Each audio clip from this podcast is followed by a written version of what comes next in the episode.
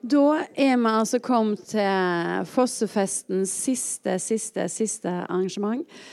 Eh, vi har vært gjennom ulike deler av eh, Fosses forfatterskap eh, fra tirsdag og fram til i dag. På tirsdag så begynte vi med med Tormod Haugland på scenen med, med ungdommen. Eh, nå skal jeg ikke si at det er gamlisene som sitter her, men de er iallfall litt voksnere enn de som satt der eh, på tirsdag. Eh, for nå skal vi altså da snakke om eh, Fosse som skrivelærer. Disse her som sitter på scenen nå, er fra Ytterst på den sida Anne Oterholm, som sjøl nå er skrivelærer i eh, Tromsø, og eh, ellers forfatter. Eh, I midten Ragnar Hovland, som er alskens, altså forfatter, skrivelærer og omsetter. Og Tormod Haugland, som jobber på Skrivekunstakademiet i, her i Bergen, og forfatter. alle har hatt berøring med Fosse på ulik vis når det gjelder hans virke som skrivelærer. og Det skal vi få høre litt om nå. Vær så god.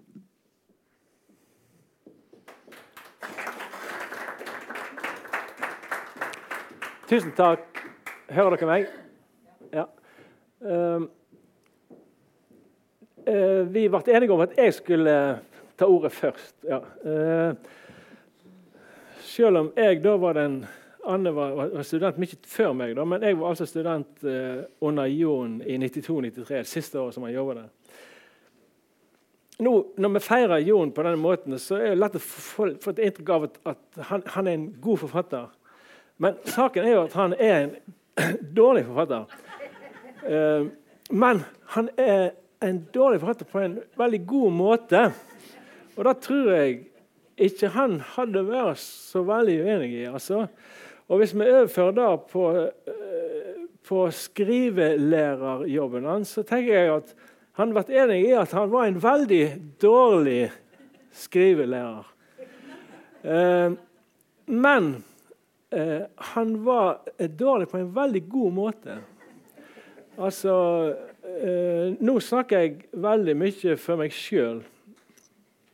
Og da, da, skal jeg være veldig sånn åpen i forhold til kan bli farlig eh, sjølutleverende. Men altså eh, Før jeg begynte på Skrivekunstakademi i 92, så, så, prøvde jeg å, å, å, debutere etter å ha lest Jon Fosse. Eh, han gikk rett inn i magen på meg. Altså det språket. Og, og, det var liksom ikke den, den, gode litteraturen som satte seg der. Det var liksom eh, en eh, opp oppleving av uh, å lese noe som var rundt meg, altså som folk snakka. Altså, det var en, nærhet i det som virkelig tok meg. Da.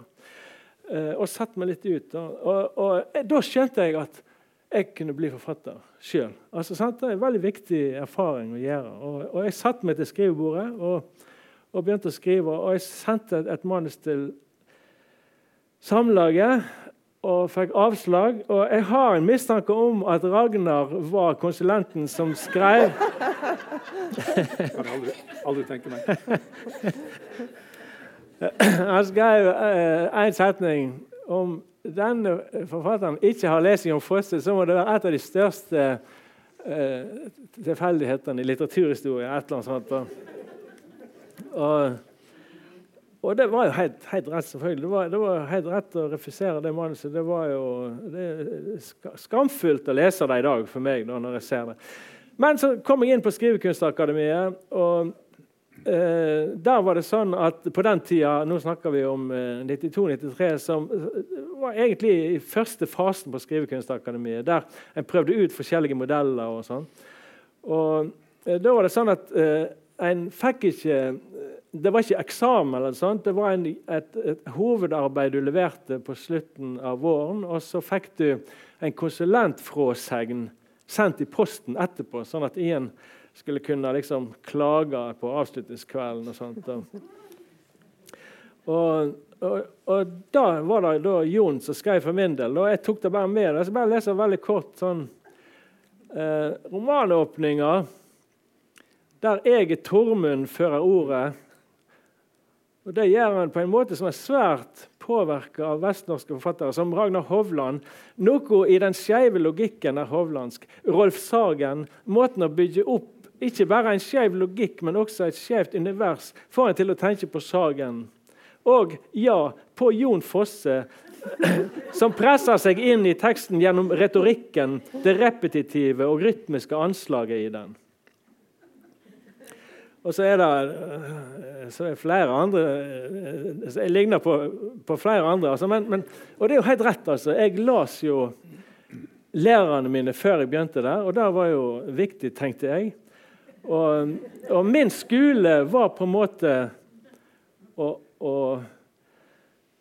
å etterligne og prøve liksom å, å, lære seg til eh, hva litteratur var for noe, hva god litteratur var for noe. Og, og så skjønte jeg liksom at det måtte til ei avlæring òg. Og, og Jon skriver jo òg veldig fint. altså, Det virker som om Tove Haugland skriver best når han skriver så beint fram refererende som mulig, uten synlig vilje, verken i den eller den lei. Så å si hele den drikkfeldige kvelden er skriven slik. Når Tormod Haugland anstrenger seg minst for å nå fram til en bestemt litteraritet, så får form og innhold i seg sjøl Så går form og innhold i seg sjøl opp i hverandre og blir til særeget litterært uttrykk. Enkelt og greit. Eh, og dette stemmer godt med eh, når jeg eh, etterpå så eh, eh, et intervju han gjorde Han ble intervjua av Aslaug Nyrnes i Norsklæreren nummer 1 1992. Altså dette er tidlig på våren det året jeg begynte. Og Det, det handler jo om hvordan han er som lærer. og uh, Han uh, er jo veldig opptatt av å få fram at han er en dårlig lærer, og hun spør hun, hun, hun, hun, vet ikke helt hvordan hun skal ta dette her. da. Uh, jeg tenker at uh, Jon i dette intervjuet er veldig sånn retorisk begava. Og han har jo den utdanningen han har. ikke sant? Han har hovedfag i litteraturvitenskap eh, på et eller annet eh, litteraturteoretisk emne. Og han vet liksom hva han snakker om, men han er veldig opptatt av å snakke seg ned som teoretiker. Han blir presentert som forfatter, teoretiker og skrivelærer i dette intervjuet. Men eh, det eneste han ikke snakker ned, det er forfatteren. Eh, og jeg tenker at han, når han kaller seg for antiretoriker i dette intervjuet her, så, eh, så er det et, et, merkelig paradoks som hun Aslaug tar tak i og får noe interessant ut av. Men når det kommer til spørsmålet om hvordan en skal jobbe som skrivelærer, da, så tenker jeg at det er noe i svarene som refererer veldig til eh, Hvis dere har lest den siste boka, altså septologien, den, det, det, det, andre navnet. Rundt omkring side 106 så skriver, så, så skriver Fosse om denne Asle eh, som går på skolen og på skolehuset henger det et bilde av Jesus som går på, på vannet. Eh, og det er noe med fascinasjon for strøket og der. Da, som, og dette oppdager skolemeisteren. Da. Og eh, skolemeisteren skjønner såpass at selv om Asle ikke har peiling på regning, han greier ikke gangetabellen. Han får, ikke noe ut av det. Og så skjønner han at kanskje der er noe. Da. Så han får foreldre til å kjøpe han malerskrin og alt det som er nødvendig, lerret og sånt. Og dermed så begynner han å male. Eh, for meg så tenker jeg at eh, det handler om eh, at Jon Fosse har hele veien hatt et ganske sånn nært forhold til det å være lærer Eller både det å være elev og det å være lærer. Og jeg tror begge deler var, har for han vært litt sånn knytta til ubehag. sant? Eh, eh, da sier han jo eh, i dette intervjuet her òg Han gir til og med navnet på en lærer fra Norheimsund som han hadde på videregående. Eh, og Det som er fint med han, er at han, eh, han, han sier ifra når det er nødvendig, men eh, er veldig sånn oppmerksom på når, når ting er vanskelig, og, og, og, og når, når, ting eh, ikke skal sies. Altså, en lærer som er veldig sånn opptatt av å følge med på hvor mottakelig studenten er for eh, ja, ordet. Eh, og eh, da kjenner jeg att fra Jon sin praksis. Jeg tror Jon syntes det var veldig smertsomt eh, å være lærer. Altså han, han syntes det var vanskelig. Han, her forteller han i dette intervjuet at han var alltid nervøs og måtte alltid forberede seg med å ha veldig mange stensiler med seg. Eh. Ja. Jeg tenker at uh, hvis uh, altså For det, jo, det, stemmer jo det at jeg gikk på Skrivekunstakademiet det aller, aller første året de hadde helårskurs. Uh, det vil si i 86-87. Så det var mange år før deg. Og det året da skal jeg følge opp det med, med, Jon Fosse som skrivelærer. Det første året han overhodet fant på å altså Han var jo ikke skrivelærer, selvfølgelig, for han hadde jo aldri vært det før. Han hadde aldri vært lærer, men han skulle være skrivelærer allikevel. Det er jo det som ofte skjer med skrivelærere, at de har ikke vært lærer før, og så blir de det. Fordi de er egentlig forfattere. Um, det året som jeg gikk der, så var hele liksom, det skrivekurset Vi var et sånn studieobjekt for universitetet i eh, Bergen. Det, vil si, det var Atle Kittang som var sjefen for det hele.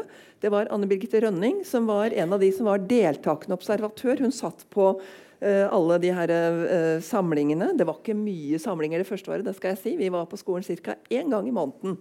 Én til to dager. Uh, så det var liksom Skrivekunstakademiet den gangen. Men det ble skrevet rapporter Uh, og de er maskinskrevne bare på den ene sida. Det er blankside. Sånn? Så det er liksom Dette er lenge sida. Men der uh, sier Jon Fosse altså han, De ble jo intervjua, vi ble observert og fram og tilbake. Men Jon ble også altså Det var Erland uh, Kjøsterud, Jon Fosse, Rolf Sagen som var de tre lærerne. Og De ble intervjua om hva de mente, hva slags forventninger de hadde hatt. Uh, eh, hva de tenkte at det skulle bli til nå. Så før jeg sier noe om hva jeg syns det var, så tenkte jeg skulle si hva Jon mente det skulle bli. Det vil si det du fikk. Ikke sant? Da hadde han en plan. Hvordan skal vi utvikle dette videre? Og da eh, havna det vel et sted der. Om dette stemmer eller ikke, men ifølge rapporten så er det dette, dette er da, skal vi se, eh, under kapittelet erfaringer fra dette kurset, 86-87. Fosse fokuserte i større grad på erfaringer fra det forrige kurset, altså det var det kurset jeg gikk på, når han snakket om det nye. Og han la da vekt på at det nå er mindre ambisiøst. Ambisjonene var senka kraftig. Færre skribenter, mer undervisning og skriveverksted. Av erfaringer som er mindre praktisk rettede, nevnte Fosse også innsikter om kreativitet som prosakurset hadde gitt ham. For det første mente han at man egentlig aldri var for ung til å begynne på et skrivekurs. Til gjengjeld er det vanskeligere å forvente forandring og utvikling jo eldre skribentene er. For det andre hadde han gjort den erfaring at skribentene er mest kreative i begynnelsen av et kurs. Altså innenfor rammen av et skriveverksted der forventningene er lave. Etter hvert som man skriver for å legge fram noe man selv har, kan gå god for, blir gjerne presset for stort og tekstene tilsvarende dårlige. Om hvilke krav man skal stille til en god forfatter, eller hvilke pre premisser man kan stille for en kreativ skrivekursdeltaker, framhevet Fosse. Og da har han fire punkter i forhold til hva man skulle se etter. Altså, for de her folka man tok opp da, på kurset, Hva slags folk er det vi skal ha inn her? Hva er det de trenger å kunne eller skal eventuelt kanskje lære seg eller, eller, eller utvikle eller et eller annet. De må ha et nært og innvendig forhold til språket. Det vil si, og dette tenker jeg, altså, det er jo ikke tull i det hele tatt, det er jo lett å kjenne igjen. Språkets materielle sider, klang, rytme etc. er noe man lever innafor. Ofte er det snakk om et litt sårt forhold, en følelse av at språket er ødelagt. Så må man altså, som, Hvis man skal ta seg opp og skal få noe utbytte av dette, her, så må man klare å se liksom, forholdet mellom del og helhet. Ofte er det dette som svikter når man ikke klarer å få ferdig et større manuskript. Det er der problemet oppstår. Hvis man ikke klarer forholdet mellom deler, men bare er veldig opptatt av små detaljer osv., ikke klarer å få det inn, da går det ikke. Det må man altså ha en sans for hvis man skal gå på sånne kurs. Intellektuell romslighet. Man kan ikke være opphengt i ett problem, men må ha litt rom i hodet. Emosjonell nødvendighet, det personlige alvor, den personlige viktighet og den temperatur som gjør kunst til kunst. Det sier Jon Fosse. I, dette var sikkert da i 87-88 at dette her ble liksom ferdigstilt i forhold til hva det var han tenkte at kanskje mangla noe. Det er liksom veldig mye som tyder på at uh, hele gjengen syntes at de hadde lagt det opp altfor ambisiøst uh, det første året, det året jeg gikk der. At folka som ble tatt opp, hadde for lav kvalitet på det de gjorde. Uh, ikke egentlig holdt mål. Men dette skulle man gjøre noe med. Man skulle ha færre deltakere, og man skulle ikke ha så store ambisjoner, og man skulle være mer konkret. Blei det sånn? Jeg tror ikke at ambisjonene sank så fryktelig. Men det var veldig interessant å høre den rapporten. Sånn, det, du gikk jo på, kan kalle det et slags pre-årskurs. ja. Men ja. Jeg skulle ønske jeg hadde litt mer å si, si om uh, Jon Fosse som skrivelærer. Men um, jeg skal si litt. Så skal jeg referere litt hva andre har sagt. For jeg kom inn uh, Skrivekunstakademiet første, første året da på en måte, årskurset fikk sin form, 88-89. Jeg fikk en telefon fra Rolf Sagen og spurte om jeg eller han pressa meg egentlig veldig til å, til å stille opp som, lærer, som lærer. og Jon Fosse skulle være der. også. så, ja, okay, så. så, da, tre år på rad, så var det Jon Fosse, Rolf Sagen og meg som på en måte drev Skrivekunstakademiet med diverse gjeste, gjestelærere. Og, og Jon og jeg var nok eh, dårlige lærere begge to på, på hvert vårt vis. Eller også på litt sammenfallende vis, vil jeg tro. For vi var, vi var vel litt uvillige egentlig til å, å undervise. Og eh, vi tok vel litt skade av det, begge, begge, begge to. Også, så jeg, hadde heldigvis vett til å, til å gi meg i 93 og jeg aldri hatt noe skrivekurs etter det. og Da slutta Jon òg. Han ville ikke han være der uten meg. Og så slutta Rolf, slutta Rolf. Han ville ikke være uten oss. Så da kom det nye krefter. Eh, men Jon var, Jon var, veldig, var veldig, god på sitt vis. Han, sagt, han har skrevet en plass at eh, ja, Ragnar Ragnar sa jo ingenting, så da, så da måtte, jeg, måtte, jeg, si noe. Så, så eh, litt sant er det, er det, muligens. Vi var formelte i utgangspunktet begge to, men vi, vi eh, klarte jo å prate òg når, når, det røynte på. Så. Men eh, altså, Jon var, var en, eh, en, som tok vare på studentene. og Han var veldig god til å gå inn i, inn i, tekst, inn i tekstene. og han og Det var veldig tydelig at han, eh, altså han Jon er jo en teoritung person. Han, han har lest alskens tyske filosofer, Adorno, hele gjengen. Og, og, men det kom veldig lite til uttrykk i, i undervisninga. Så han var, det, da var han en uh, litteraturmann, og han, så det var tekstene som, som betydde noe. Og, og litteraturen er, betyr, betyr, jo veldig mye for, for Jon. Han, det er noe som er det viktigste for ham. Og han syntes det er vondt å lese, lese dårlige tekster. Men, men han, eh, han, sa ikke alltid det, da, hvor vondt han hadde det når han leste dårlige tekster. Men det var en, en, en anledning altså Jon og jeg vi underviste jo hver for oss, stort sett. Men vi hadde noen uh, felles undervisningstimer. Det var stort sett når vi gikk gjennom uh, tekstene til studentene. Og et tilfelle da han hadde lest en tekst, og, og, og da for han opp i raseri. for han syntes det var en skam at han kunne levere for, noe, for seg noe sånt. Men det var et sånn engangstilfelle. Ellers så, ellers så var han snill og medgjørlig, stort sett. Uh, men uh, så vi, vi, hadde jo ikke så, mye, så fryktelig mye omgang. Sånn i, altså jeg, jeg, bodde jo ikke i Bergen, egentlig. Jeg var, jeg var bare i undervisningsperiodene. og Vi, vi var ute av, ute av, og til og drakk øl, og, og, både med og uten studenter. Altså, men uh, selv om jeg kjente Jon på, på et vis i, siden han debuterte i, i 83 og, og jeg har både vært nære og fjerne kollegaer og fjernvenner, kan jeg si, i, siden den gang så, så um, hadde vi ikke så mye, fryktelig mye omgang i den, i den tida vi, da vi uh, drev på her i, i fellesskap. Og, så Derfor tenkte jeg skulle bruke en annen person som jeg skubber framfor meg. Eh, Karl Ove Knausgård, som var student på eh, det første kullet vi hadde. Og han har skrevet en god del om lærerne sine. og kjem, begge kommer forholdsvis bra ifra det. Men jeg skal lese noen små skildringer av Jon Fosse. Først er det en beskrivelse av lærerne. Hopp over den første, den første. Men den andre, lavere av vekst, også kledd i dressjakke og med en liten mage, den altfor trange skjortene viste fram, kastet et lynraskt blikk på oss før han så ned. Eh, så de, begge to, de virket nervøse i den forstand at de begge utstrålte at de helst ikke ville være akkurat her. akkurat nå. Men de var det på nesten motsatte måte.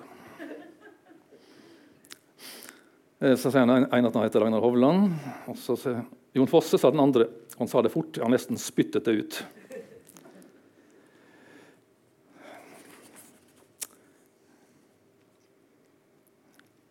Og så litt om eh, hva kurset skal inneholde. Det var ikke snakk om noen litteraturhistorie, sa plutselig Jon Fosse. Det første gang han tok ordet. De tekstene de vil ta opp og snakke om, vil hovedsakelig være fra nyere tid, altså modernistiske eller postmodernistiske.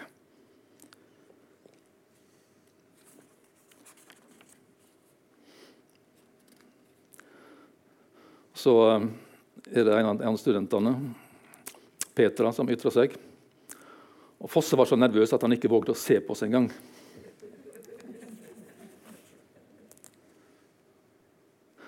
Og så er det, uttaler Jon Fosse seg om eh, poesi. Metaforer fantes det en aversjon mot, merket jeg. Både hos Jon Fosse og hos de elevene som skrev poesi. Det var nesten noe stygt ved metaforen, eller noe gammeldags, i forstand umoderne eller antikvert og for oss ubrukelig. Det var dårlig smak, rett og slett. Plumpt. Alliterasjon var enda verre. Det var mest rytme, klang, linjedeling, inngang, utgang det gikk på. Jon Fosse merket jeg når han kom, kommenterte noe, også alltid ute etter det som var uvanlig, annerledes, ulikt. Det tror jeg hadde ganske presist. Og her er en liten beskrivelse. Etter det tok Jon Fosse ordet. Mens måten han beveget hodet på, rykkevis og nesten fugleaktig, noen ganger som han ble overrasket av noe eller kom på noe, og måten han sa det på, nølende, fullt av pauser, hakk, kremt, fnys, et plutselig dypt innpust nå og da, utstrålte nervøsitet og uro. Hva det, sa, hva det han sa, på en ganske annen måte fylt av sikkerhet.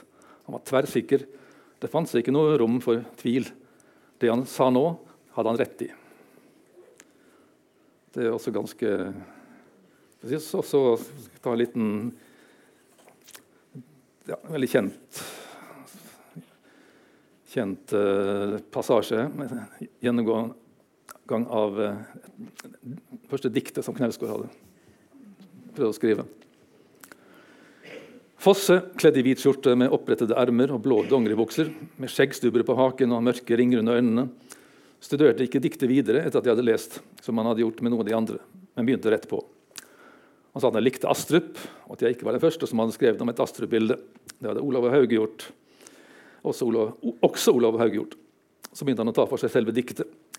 Den første linjen sa han, er en klisjé. Den kan du stryke. Den andre linjen er også en klisjé. Og den tredje og den fjerde.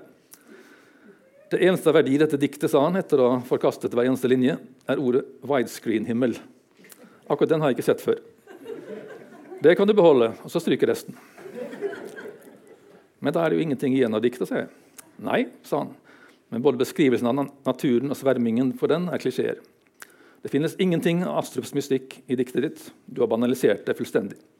Men widescreen-himmel, det var som sagt ikke så verst. Men, men det, jeg lurer på én ting, da, og det er uh, For jeg husker ikke Jon Fosse som den skrivelæreren der. Mm. Jeg husker han ikke som uh, altså Nå er det 100 år siden, så jeg husker jo ikke så godt. Men, men, jeg husker ikke at han var fryktelig nervøs, eller at han, eller at han var uh, relativt brutal, da, sånn som han er i forhold til dette diktet. Jeg husker ikke det hele tatt. Jeg husker at jeg fikk lyst til å skrive av uh, at han snakka. Jeg fikk uh, Det står i denne rapporten her også at, at, at uh, da han hadde introduksjonskurset sitt, liksom, så var det fokus på fortellerteknikk, på perspektiver, fortellerposisjon. Altså at vi skulle teste ut den typen ting.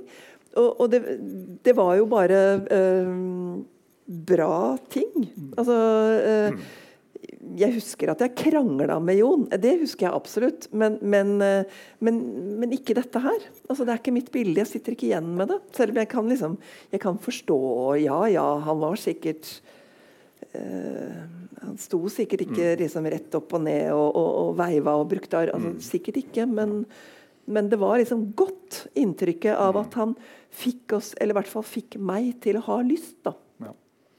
Jeg har heller ikke nøyaktig det samme bildet av Jon som, eh, som eh, Knausgård har, men han, han, er inne på noen ting som, eh, som ser at det er Jon. Men Jon er jo er mange, er mange ting. Mm.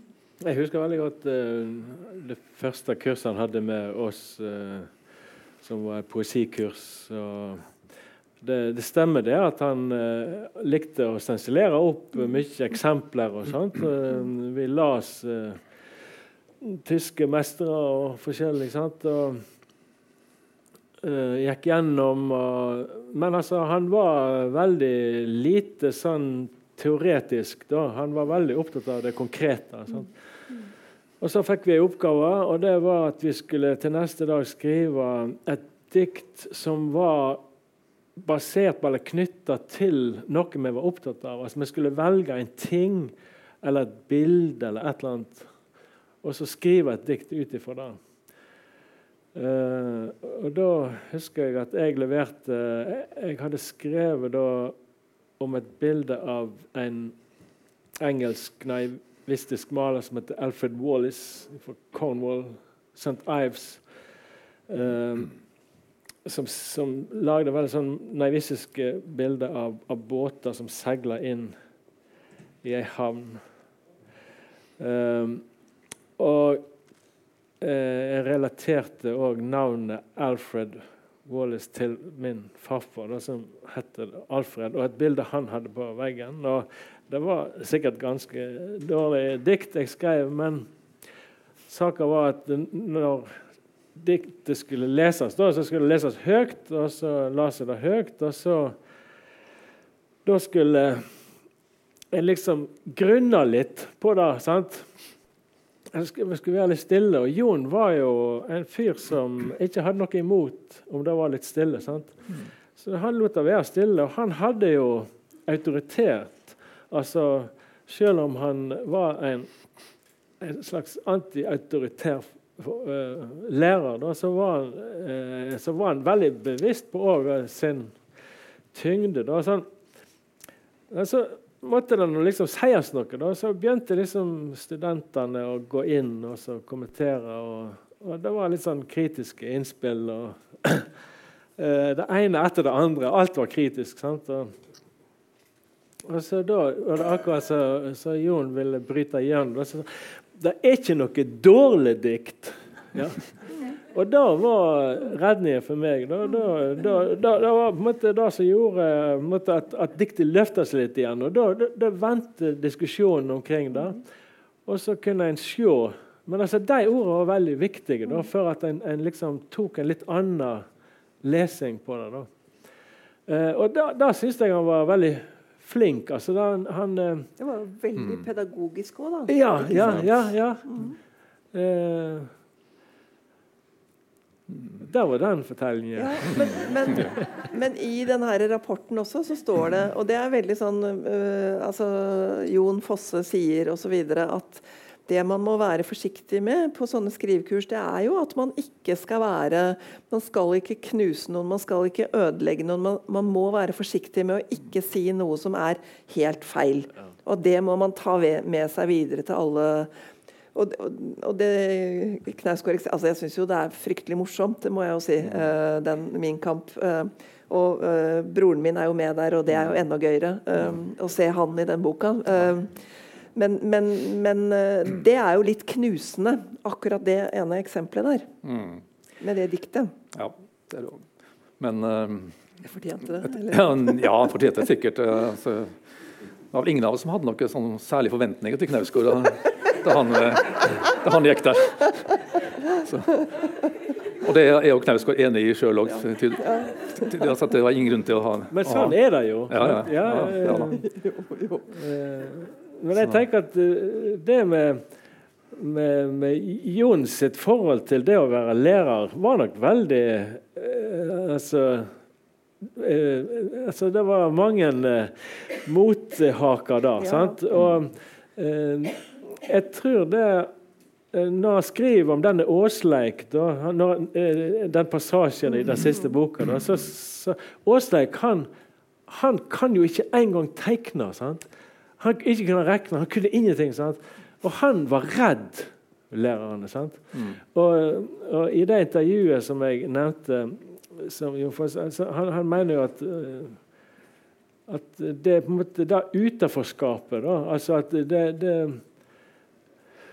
det, det, det er det som gjør en til forfatter, eh, sant, sier han. Eh, og, og, så han identifiserer seg veldig med det at noen vil gå på et skrivekunstakademi. sant?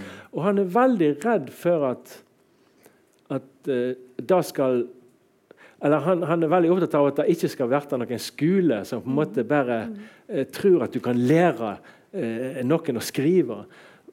Det viktigste er at de blir sett, og at de på en måte får ja, får tilgang til det de har i seg. Da, sant? Eh, jeg tror den tanken var ganske sterk eh, hele veien. Sant? Eh, Mm. Altså Jon hadde jo den evna, eller han har sikkert fremdeles, at, som også en god redaktør eller konsulent skal ha, å kunne lese og forholde seg til tekster som en egentlig ikke er interessert i, som ligger sånn utafor eget interesseområde. Og det, og det gjorde Jon godt. Og, og vi fant jo fort ut altså, hvem studentene som var de, var de, de beste, og hvem som egentlig ikke antagelig ikke hadde noe håp om å komme videre i livet, som det er sagt. Men, men Man eh, kan, man kan jo ta feil. kan ta feil, og det har vi gjort, Ja, ja. gjort, gjort flere, flere ganger. Det Altså, i, helt, i, begge, I begge retninger. Sånn, det som Ja. jeg trodde var ville bli stjerner, så jeg hørte aldri noe mer fra et, etterpå. det var en helt annen tid på den tida. Ja. Uh, det var litt sånn, de var litt sånn løsmunna. eh, Sånn at sekretæren da, hun fikk vite liksom, hvem de hadde tro på. Sånn. Og så, og da, hvis de hadde litt sånn god kontakt med sekretæren så, ja, 'Jon sa at han har tro på deg, han har tro på deg!' Sant? Sånne ting. da. Det ville aldri gått i dag, tenker jeg.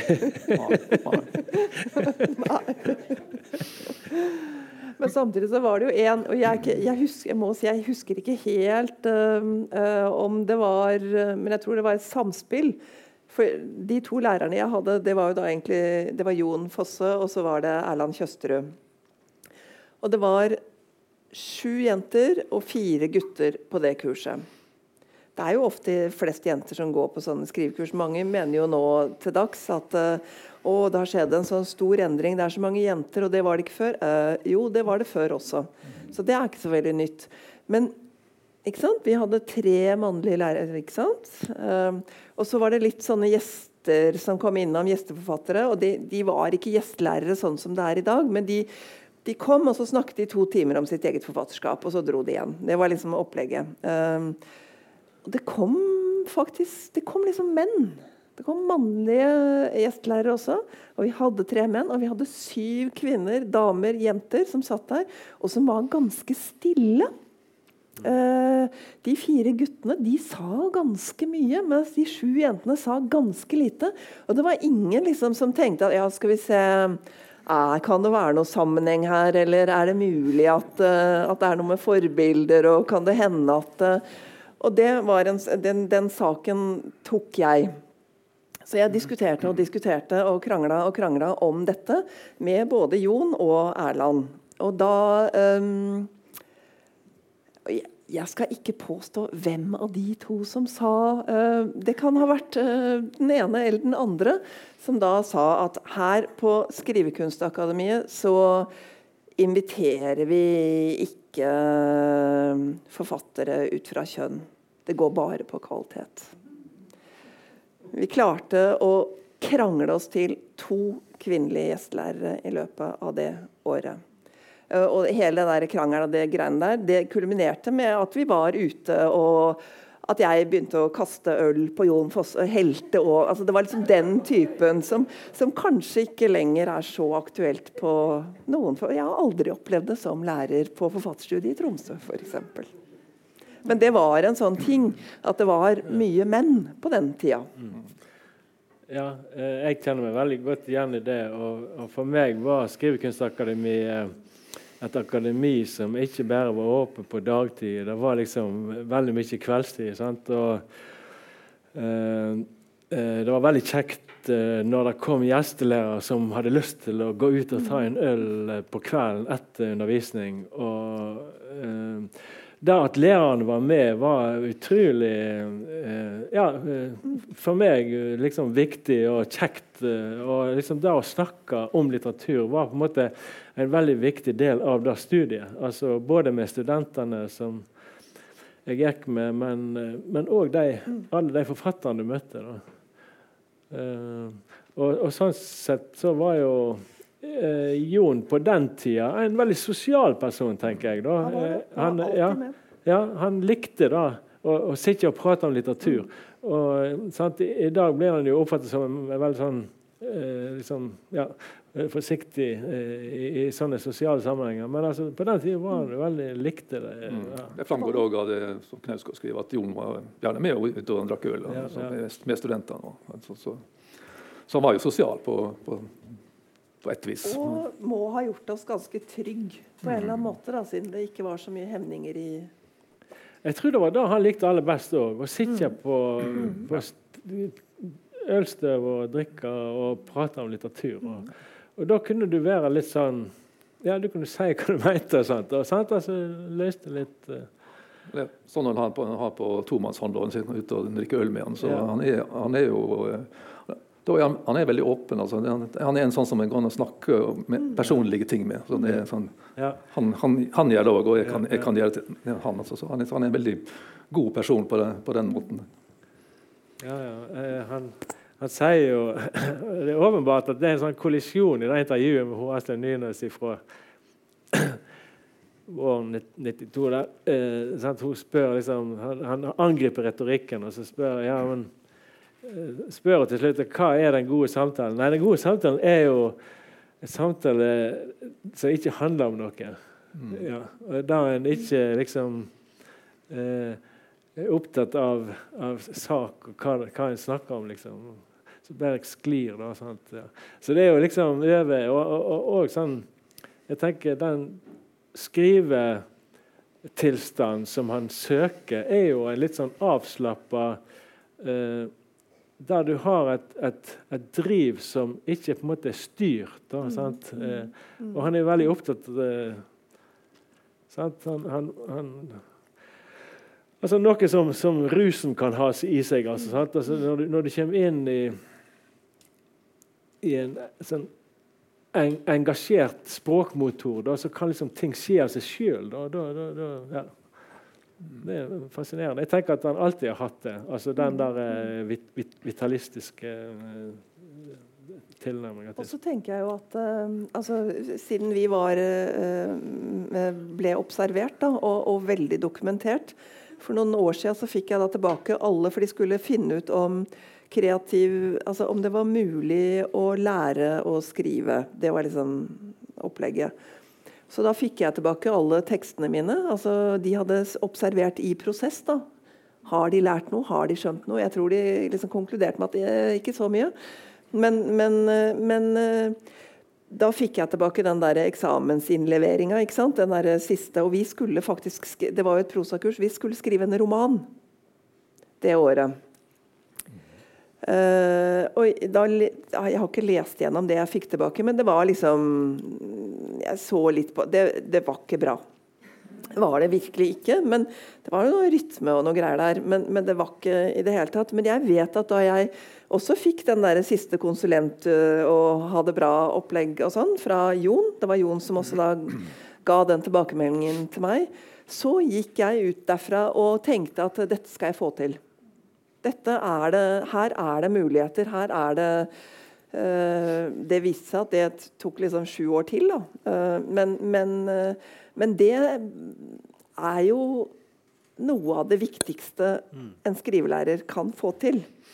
Å gi noen den lysta på å fortsette, og den åpenheten i forhold til at ja, Det har kanskje ikke noe retning, eller, ikke men det har en driv, det har en mulighet. Det kan komme til å bli.